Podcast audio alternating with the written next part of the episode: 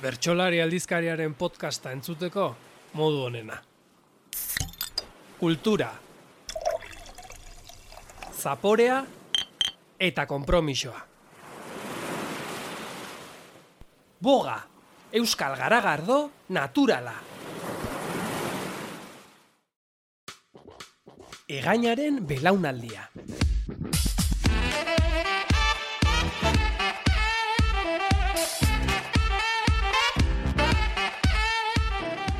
Bertsolaritzan lurrikara eragin zuen belaunaldi baten pasadizoak eta gogoetak. Gaur, Mikel Mendizabal.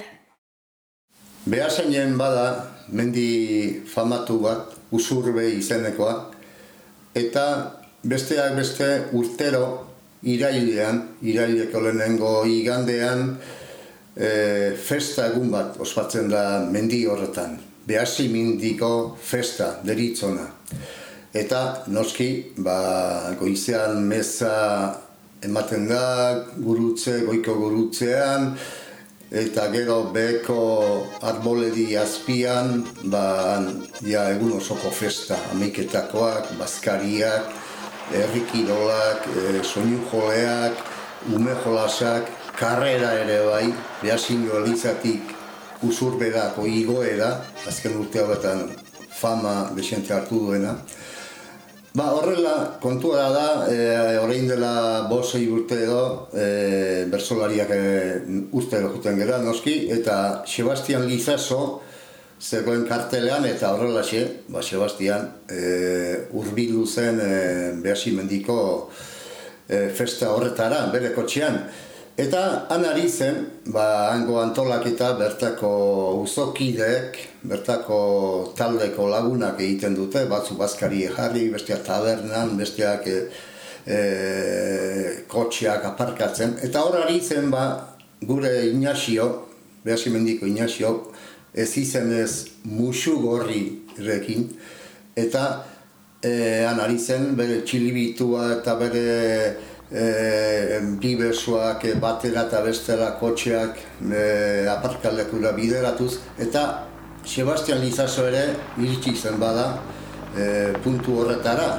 Eta Inaziok ari zen eskuarekin menga aurrera, aurrera, ezkerretara, aurrera, gora!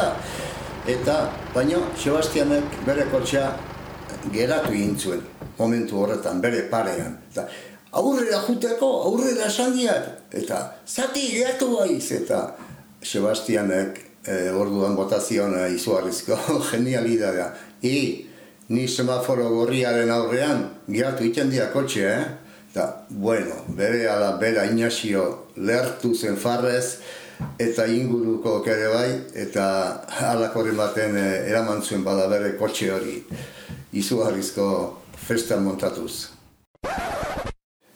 Laro baita amasei, amazazpi inguru horretan izango da, gertakari hau, e, araba euskerazko ekitaldi zen, eta e, ostiralean, ostiralean hasita, ba, e, berso afari bat antolatu zuten La Puebla de la Barkan, eta andoni eta biok joan ginen, ostiral iluntzerako, Eta, bueno, han, lapoelan, ba, ardo txoatzut probatu eta eta aspaldiko lagunak eta bar, eta eta, ja, fari horbitzen da izan eginean da jendeare e, pozik eta gure bai, eta, bueno, azkenerako eskaintza gintzizki duten, ba, e, afaldu eta lasai, ba, behar handia geneukala, eta nahi ba genuen, e, han lo egiteko aukera bat zeudela, etxola arazori, eta e, urrungo goizean kafe hartu eta abiatu nahi bat genuen, eta horrela. Eta lehenengo kolpean, ba, iritzi hori, e, eskaintza hori, ba, andoni eta bi hori, ba, ondo iritu zitzaigun, i, ba, ba, bai, ba, lopiskat ingo dia, falduta gero, eta biharro izan goitxamar abiatuko batzuk, eta eta horrela, bai izkoan bezala, eta e, tartean handerino bat, laskauko handerino bat, izena Marijo edo horrelakoren bada, eta ura ere enteratu zenen, ba, gelditu arginila lotan, etorri zen gu gana eta esan zigun, haber, e, importari ez ba zitzaigun, ja, bea ere bihar goizean e, etorriko litzekela gure kotxean, eta hekiko litzekela guk esan dako ordurako, eta zera eta alata. Ba, bueno, ba, azkenerako zite jarri genuen. Ba, bale, ondo, ez arazorik, eta goizeko zazpitaritan han taberna bat zabaltzen zela, eta han kafe hartuko genula, eta abiatuko ginela. Eta horrela, eta gero, ja, berso afarian sartu ginean, eta afari horrek e, jarraitu zuen, bide honean, e, giro beroan, da bat, eta afari hori bukatu zenean, eta ja, azkeneko kontuak eta lagunak ere pixaba ja, e, erretiroan eta bat, e, ez dakit andonik edo nik, ze, esan nuen usan dut andonik, ba, i, ni oso ondoniak, bain, zuzenean ere jungo ninokak, kotxe hartu eta e, zarautze daño.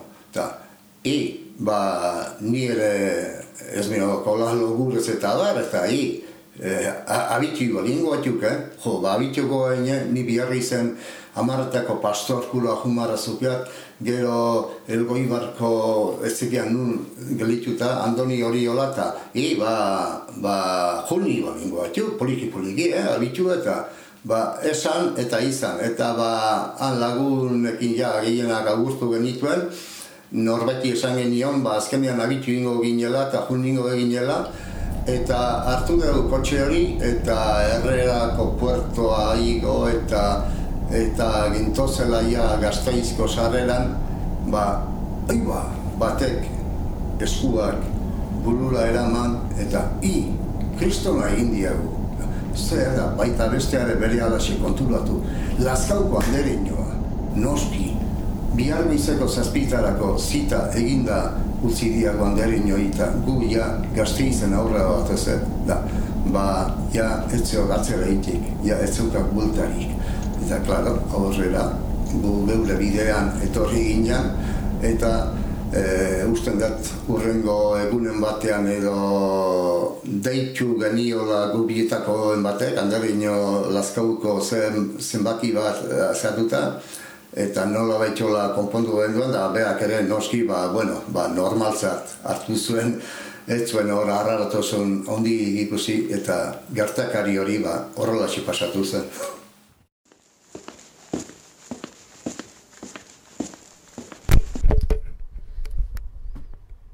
Orain berrogei urte aiek astapenak Plazetako oltzetan zabaldu zirenak Gure belaunaldiko unerik onenak Bere gana dituzte gaur diardutenak Berme osoa dakar gure ordezkapena.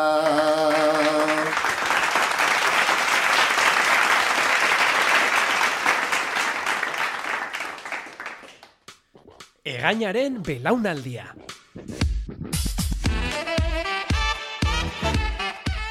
Belaunaldi honen pasadizu eta gogoeten inguruan gehiago jakin nahi baduzu, eskatu gure aleberezi hau bertsolari.eusen edo idatzi administrazioa abildua bertsolari.eusera.